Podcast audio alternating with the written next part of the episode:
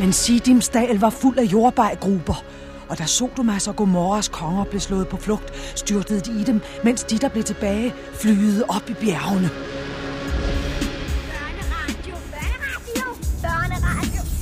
Ja, og der kommer de farne. Kong Bera af Sodoma og kong Birsja af Gomorra. Og de ser ikke tjærepølen. Nej, de har slet ikke opdaget tjærepølen. Og der kommer de ud over. De skrider, ja, ved Gud. De falder.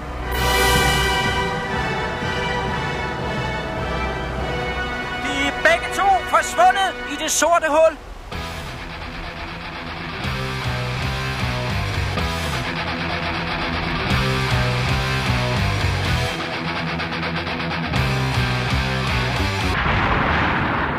Ja, situationen rige her i, i Bibelen, Ja, det er, der er vi nået til her.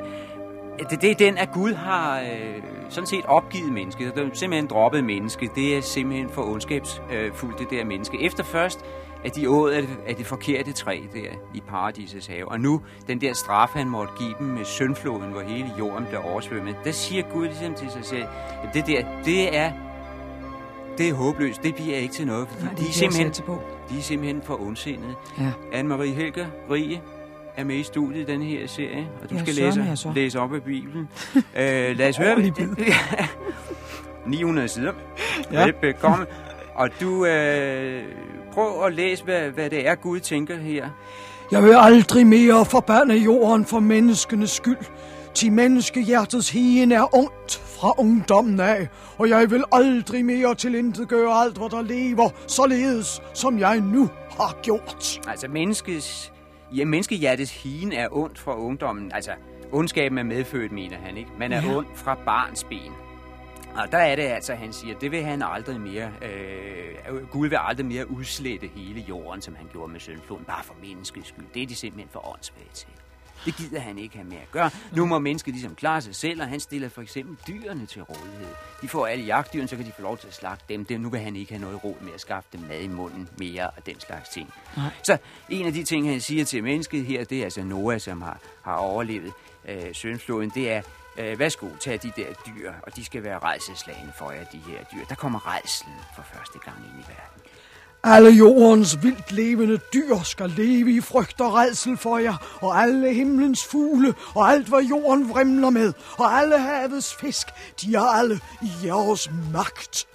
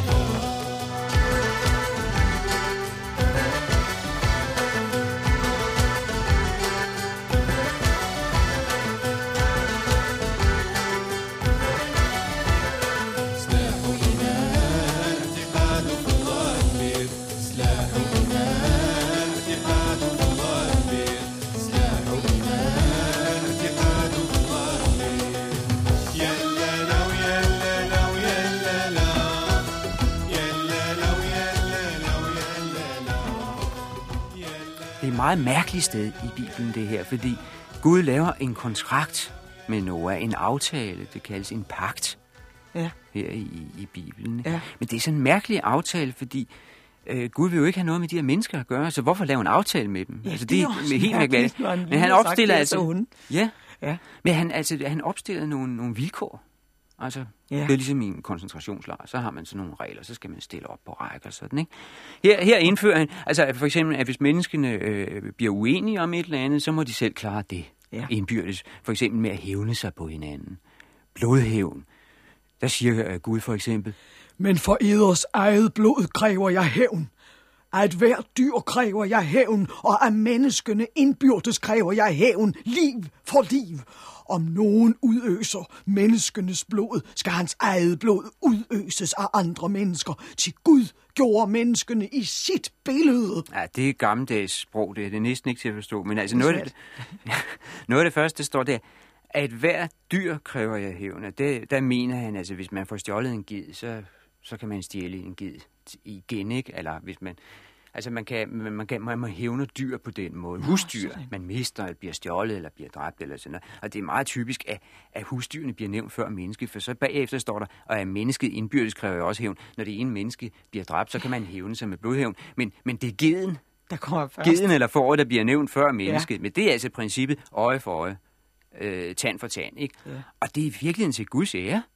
Det er jo noget grusomt noget. Ja. Men, men han siger jo, at det er til Guds ære, fordi man skal gøre det, fordi mennesket er skabt i, i, i Guds billede. Så, så ærer man Gud i det øjeblik, man, man, man dræber sin modpart. Det er noget Det er faktisk værre noget i virkeligheden, synes jeg også, Gud er ondt så. Det, det er faktisk, hvad der står. Det er ret barsk bog, Bibelen. Ja, det tror jeg nok.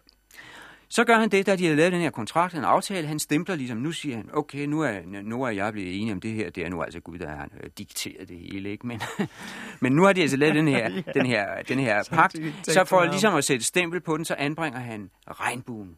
Der opstår regnbuen altså, som vi alle sammen kender. ikke? Den er på himlen, og det er altså øh, som tegn på, at denne her pagt er lavet.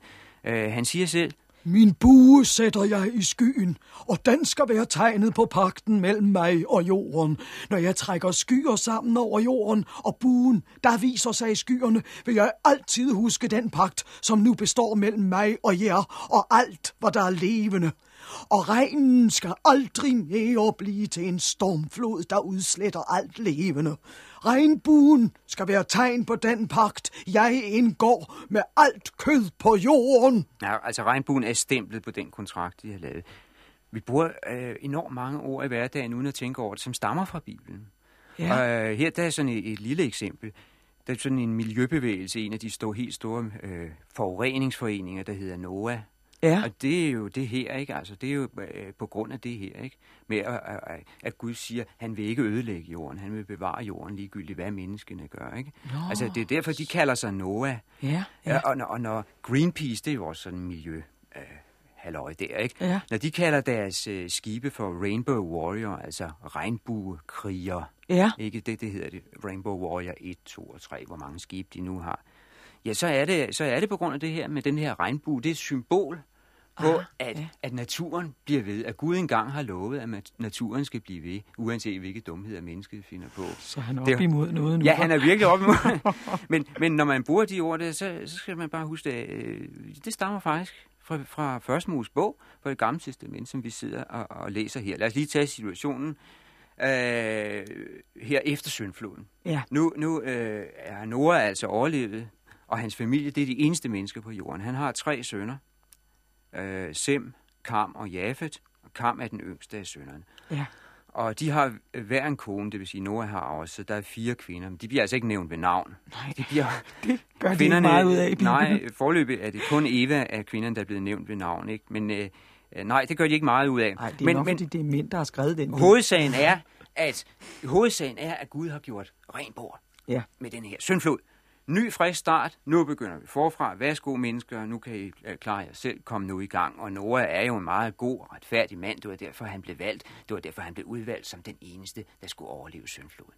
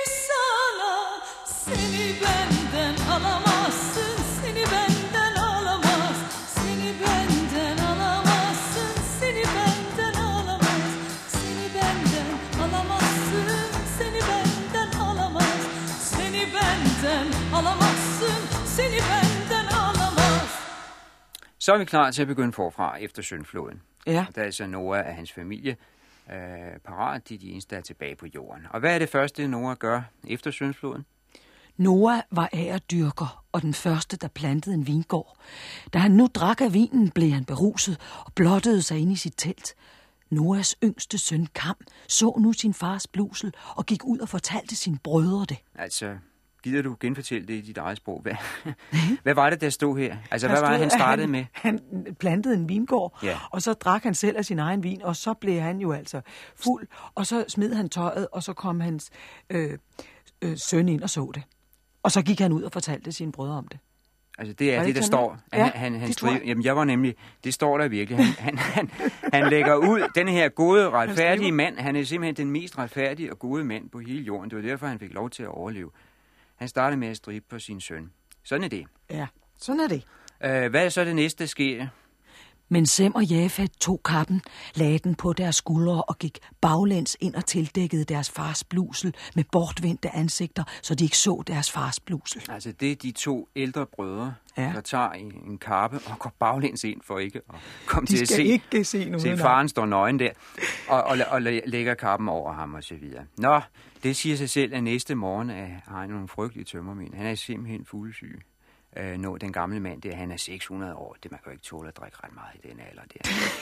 Nå nej, det havde jeg lige glemt, hvor gammel han egentlig var. 600. Ja. Uh, han skal jo leve 350 år til efter søndfloden, så han bliver 900, han altså heller ikke ja, drikke så meget. 950. Jamen, nej, han er drukket til meget, så han er, han er ret sur om morgenen. Prøv at læse, hvad der sker.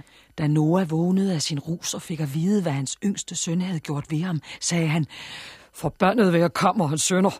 De skal være trælle for hans brødre. Han er altså enormt sur på den her yngste søn. Ja.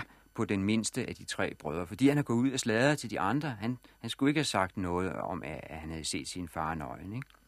Og så siger han, fordi han er gået ud og sladret om det der, så skal du være forbandet, lille kam.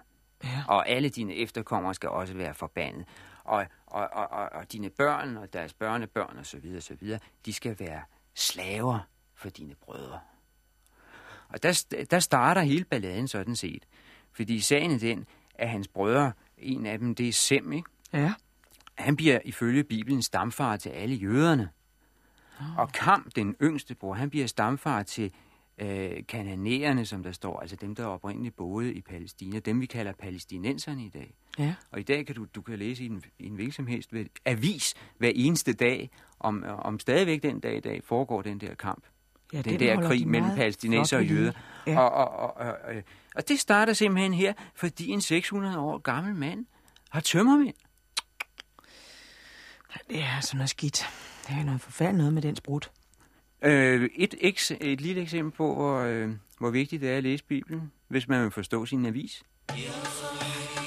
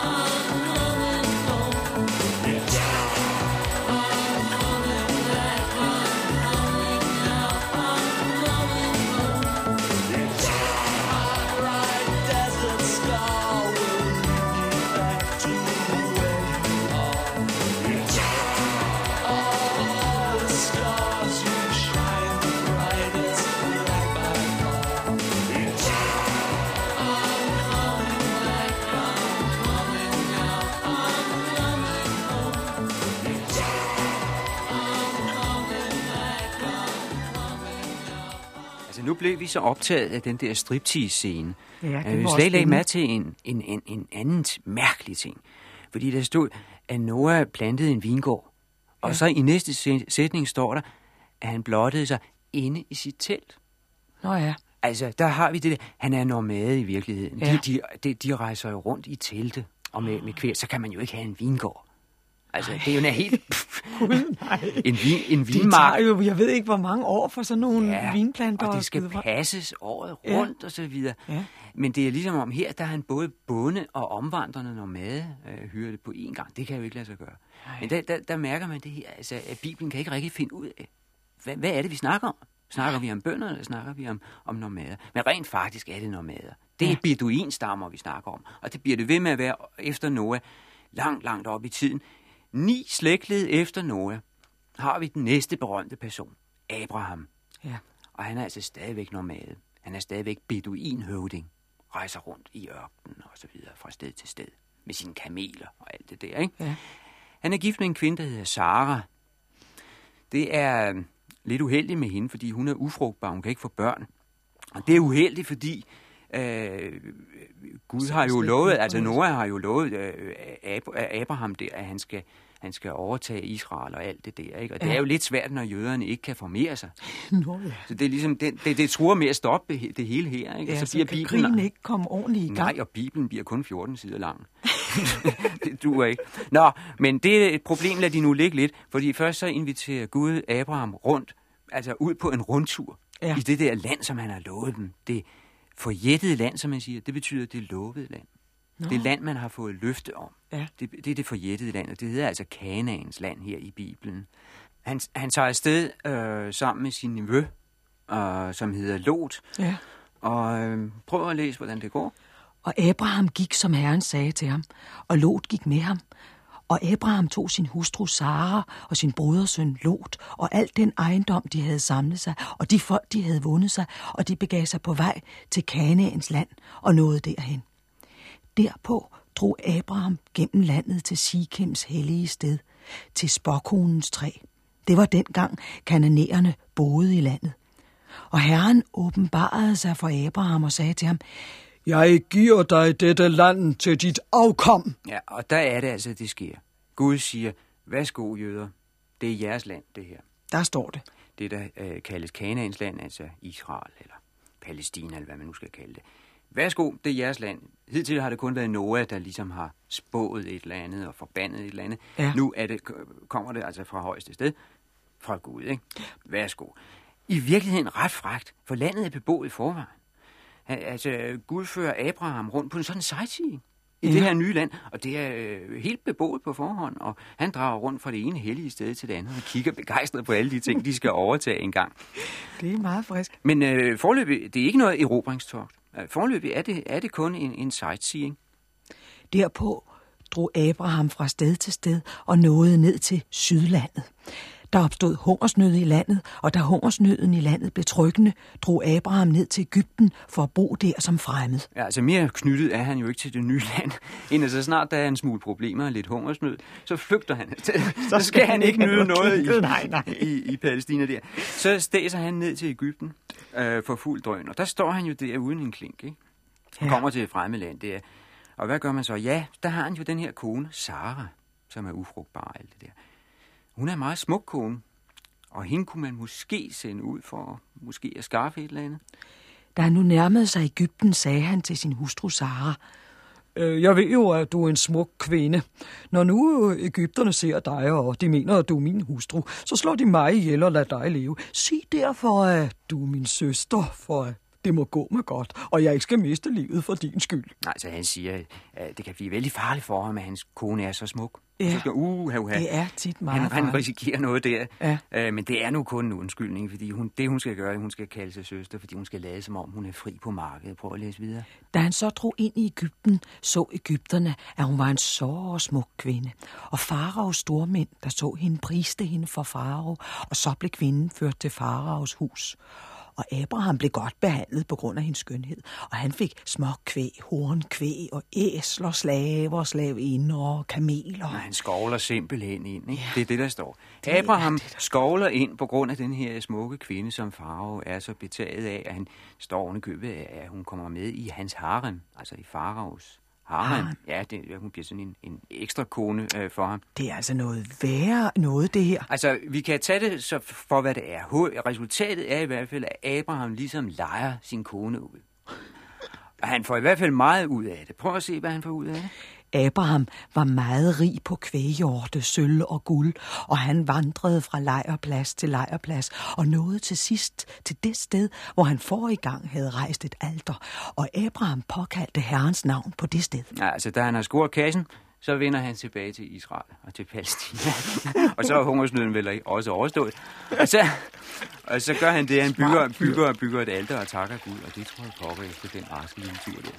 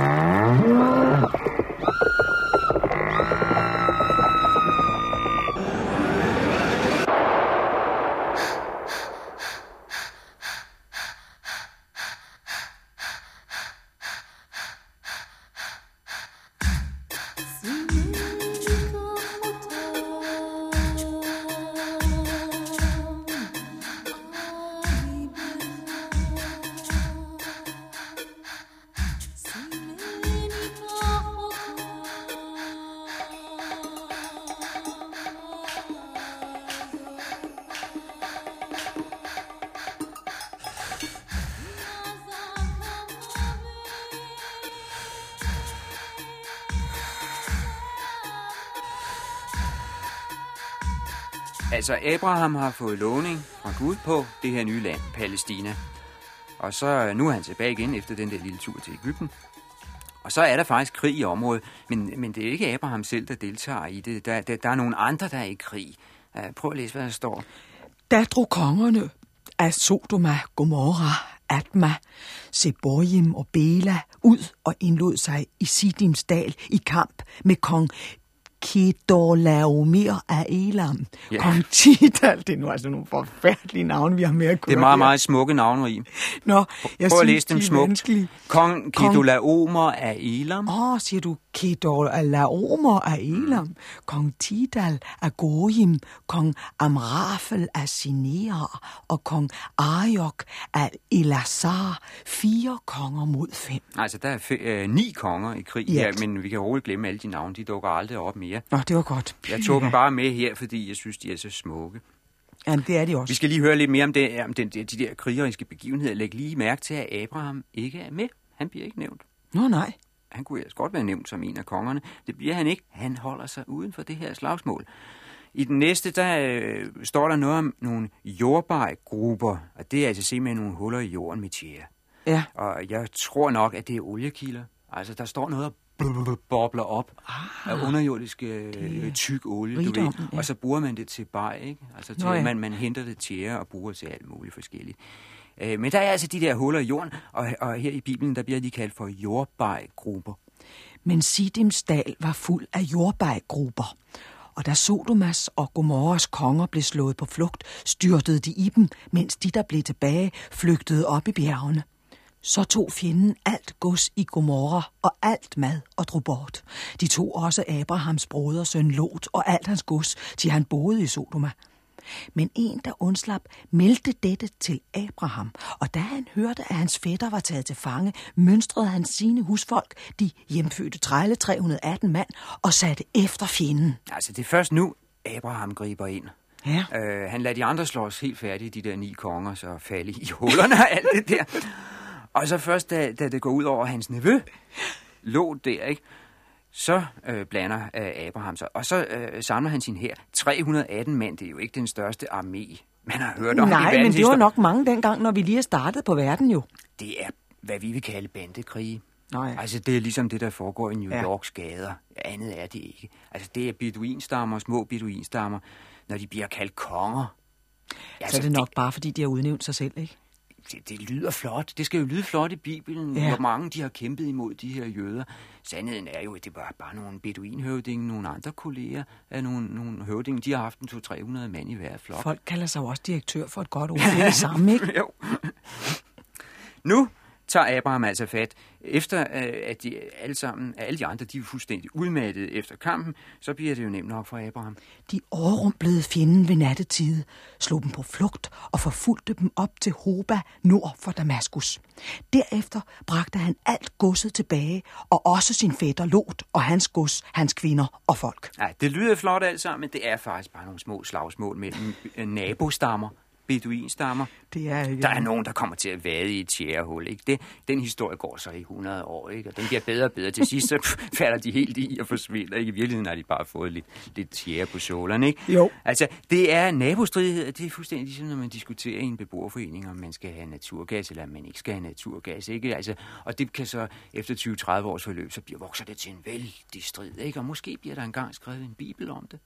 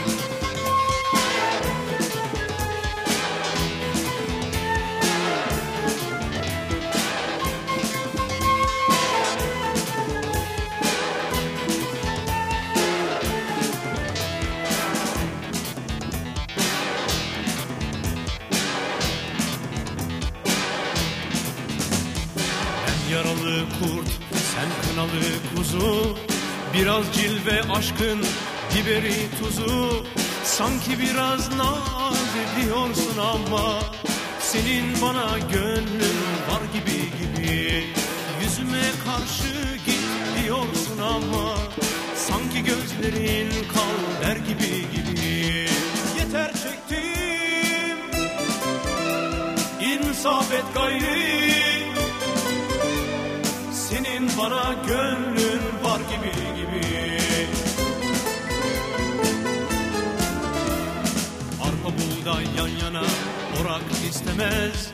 Yağız at şahlandı mı durak dinlemez Sen de biraz naz ediyorsun ama Sanki bana gönlün var gibi gibi. Yüzüme karşı git diyorsun ama Sanki gözlerin kal der gibi gibi. Yeter çektim İnsaf et gayri. Senin bana gönlün var gibi gibi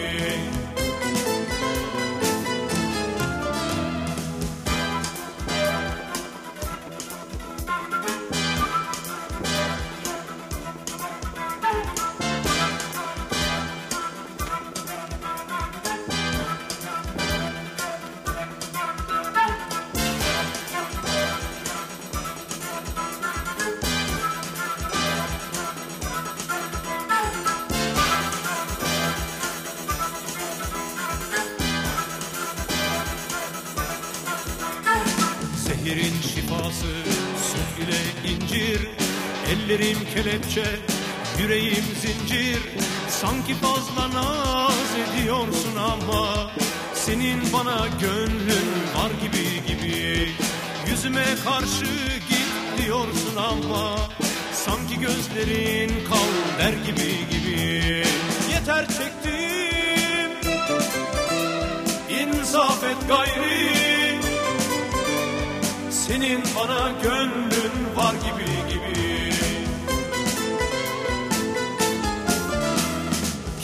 sevemez benim gibi seni Kırk yılda bir gelir barış gibisin.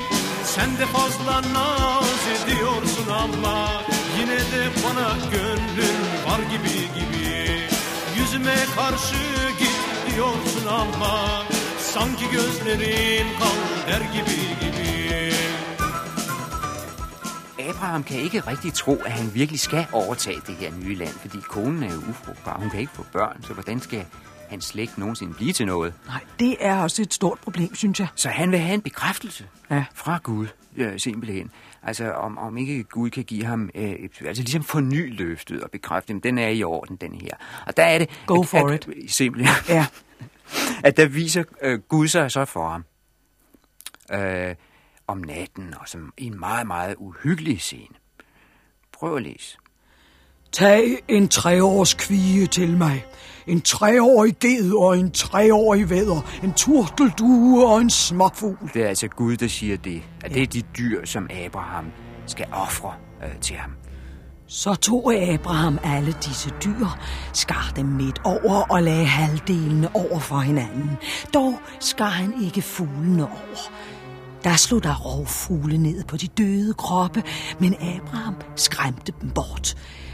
Da solen så var ved at gå ned, faldt der dvale over Abraham, og se, redselen faldt over ham.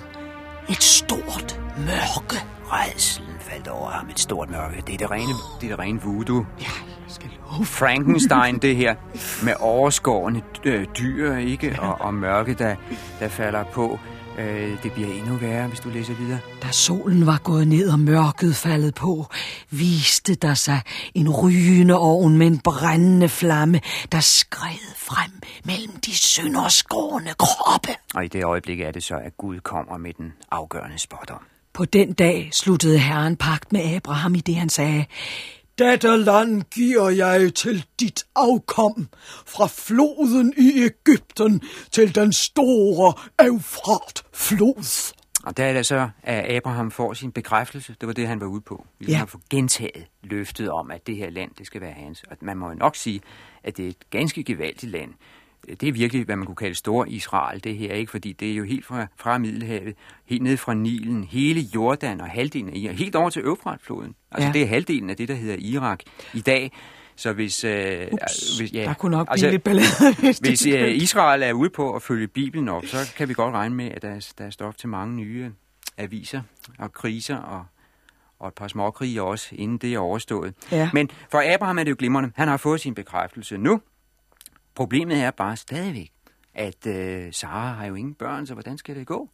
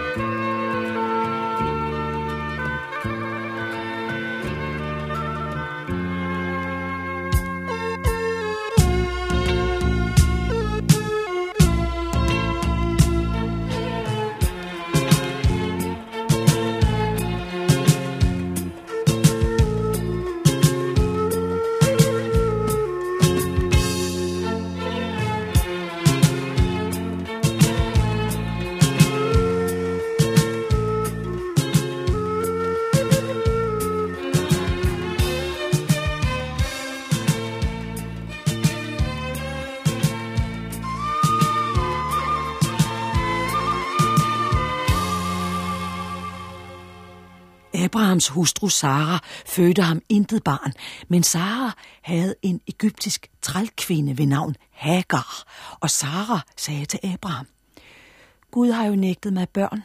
Gå derfor ind til min trælkvinde. Måske kan jeg få en søn ved hende.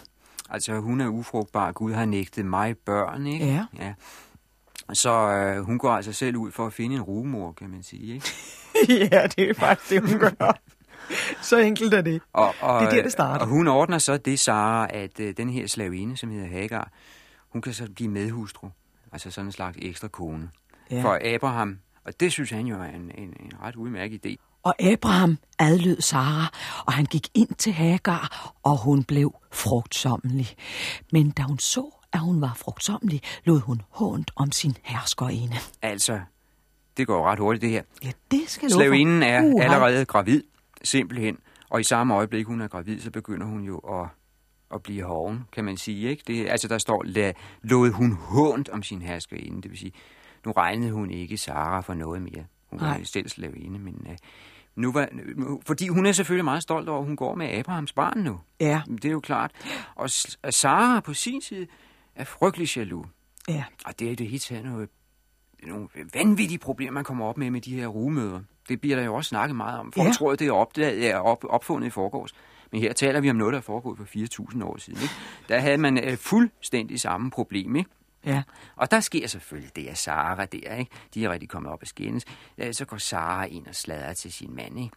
Fordi og, og beklager sig over at den her trælkvinde. Hun tror, hun er noget. Det var mig, der lagde min trælkvinde i din favn.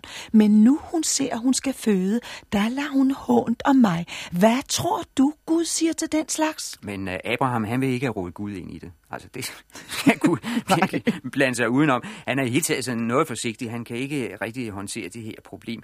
Altså, altså, derfor siger han faktisk til Sara, det må du selv tage dig af. Jeg gider ikke have med den sag at gøre. Abraham svarer Sara.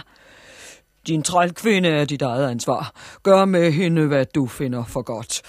Der plagede Sara sin trælkvinde så meget, at hun stak af. Og det har hun jo været ude på hele tiden. Så det var jo pragtfuldt for Sara for frie hænder. Så nu er der bare... Hun Ja. ja. chikanerer simpelthen det der stakkels pigebarn. Ja. Så hun flygter, og hun flygter ud i ørkenen, og hun er gravid jo. Måske ovenikøbet højgravid på det her tidspunkt. Men så sker der heldigvis det, at hun bliver stoppet af en engel derude. Ikke? Ellers ville hele historien jo gå i stå nu. Ikke? Ja. Hun bliver stoppet og frelst af en engel øh, ude i ørkenen, og det ender med, at, øh, at hun får det der barn, som så selvfølgelig viser sig at være en søn, altså Abrahams første søn. Men altså en Det var heldigt. lidt uægte søn, fordi det var altså kun en medhustru, der fik ham. Og så har vi jo balladen. Nu starter hele sagaen. Ægte børn, uægte børn, det er fuldstændig som at se dollars eller dynasty videre. Nu kører den simpelthen flere hundrede sider fremover igennem mange århundreder på den her måde. Hagar, slavinden, øh, føder Abraham en søn, som ja. bliver kaldt Ismael. Abraham er på det tidspunkt 86 år.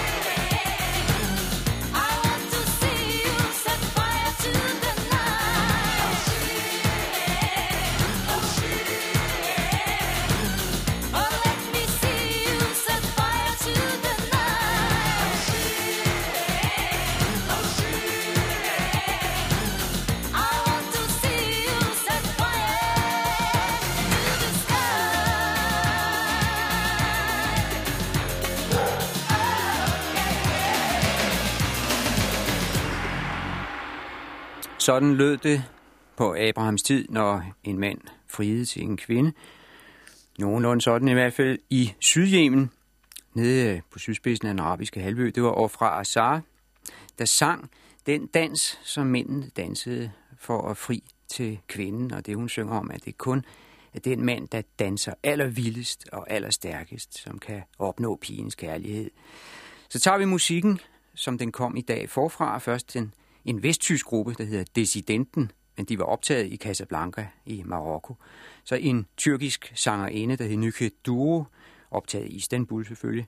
Så en engelsk gruppe, der hed Richard Strange and the Engine Room. Der var dog alligevel en arabisk med en araber med, en arabisk darbuka spillet af Cheb Wolfi, men det hele var optaget i Halle i Vesttyskland, for at det ikke skal være løgn og blive rigtig forvirret. Og fra Azar kom igen, øh, det var den øh, stille sang, hvor der var en masse stønneri på. Det var en sang fra Bibelen, som Salomon har skrevet, Salomons højsang. Øh, hun selv stammer fra Sydhjemmen, bor i Israel, men sangen var indspillet i Somerset i England. Øh, Boris Manko er en tyrkisk sanger. Han kom med et nummer, der hedder Gibi, Gibi, Gibi, som er indspillet i Istanbul, men det er mixet i Bruxelles. Så kom Jamel Alam, og der kan jeg ikke sige, om det er fra Algeriet, eller Tunis, eller Marokko. Det er ikke til at se på omslaget, men det er i hvert fald indspillet og mixet i Frankrig, så det er et stort råd det hele, også her til sidst, hvor det er en græker, der lyder, som der aldrig nogensinde har lyttet i Grækenland.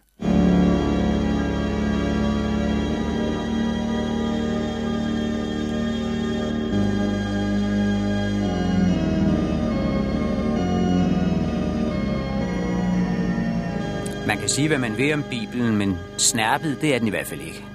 De hellige mænd, de foretager sig ting og sager. Kvinderne, de holder sig heller ikke tilbage. Der sker en hel del, som slet ikke passer ind i vores pæne kristendom. Derfor glemmer de at fortælle om det i skolen eller i kirken, men du kan selv slå efter, det står i bogen. Bare her på de sidste par sider har vi hørt om en hellig mand, der drak sig fuld og derefter var utærlig over for sin yngste dreng. Seksuelt misbrug af børn kalder vi det. Vi har også hørt om en, der sendte sin egen kone ind i en anden mands harem. Det blev han så rig af, at han kunne anskaffe sig sit eget harem bagefter. Det var også en helig mand. Faktisk så er flerkoneri det normale i Bibelen. Næste gang, der duer det heller ikke at være snærpet. For eksempel skal vi høre om en flok mænd, der er ude på at voldtage to engle, og om en far, der beder dem voldtage hans to unge døtre i stedet for. Og det hele ender med, at det er faren, der bliver voldtaget af de to døtre. Bare vent. På næste mandag. På denne kanal.